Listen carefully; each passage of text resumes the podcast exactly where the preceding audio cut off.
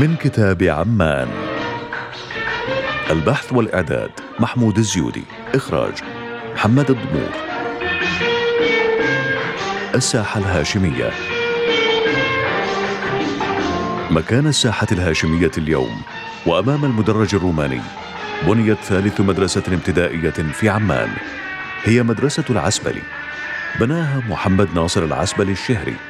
أحد أفراد حاشية الأمير الملك المؤسس عبد الله الأول بن الحسين الذين جاءوا معه من الحجاز.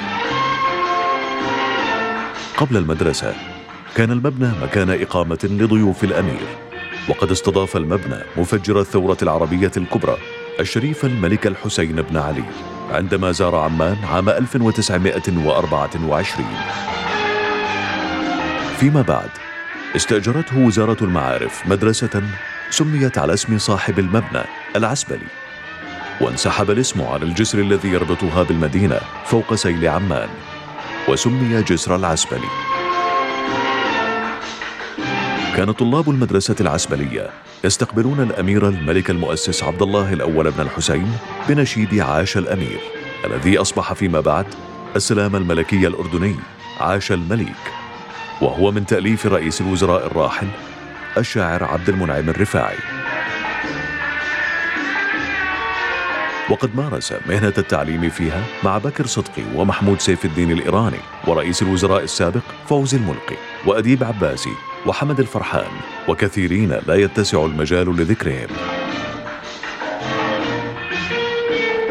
درس في العسبلية الوزير السابق عاكف الفايز والد رئيس مجلس الأعيان الحالي فيصل الفايز ودرس فيها أيضا الضابط محمود الروسان ووزير الداخلية الأسبق محمد نزال العرموطي.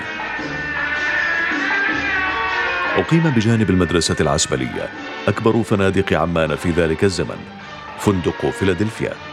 وقد كان مكان إقامة للسياح والزوار الرسميين ورجال الأعمال. تطورت عمان وتغيرت وتبدلت. اختفت المدرسة العسبلية واختفى فندق فيلادلفيا وظهرت بعدهما الساحة الهاشمية. كما هي الآن. بارك يا مجد منازلها والأحباب. وازرع بالورد مداخلها بابا بابا. من كتاب عمان. وتستمر المسيرة.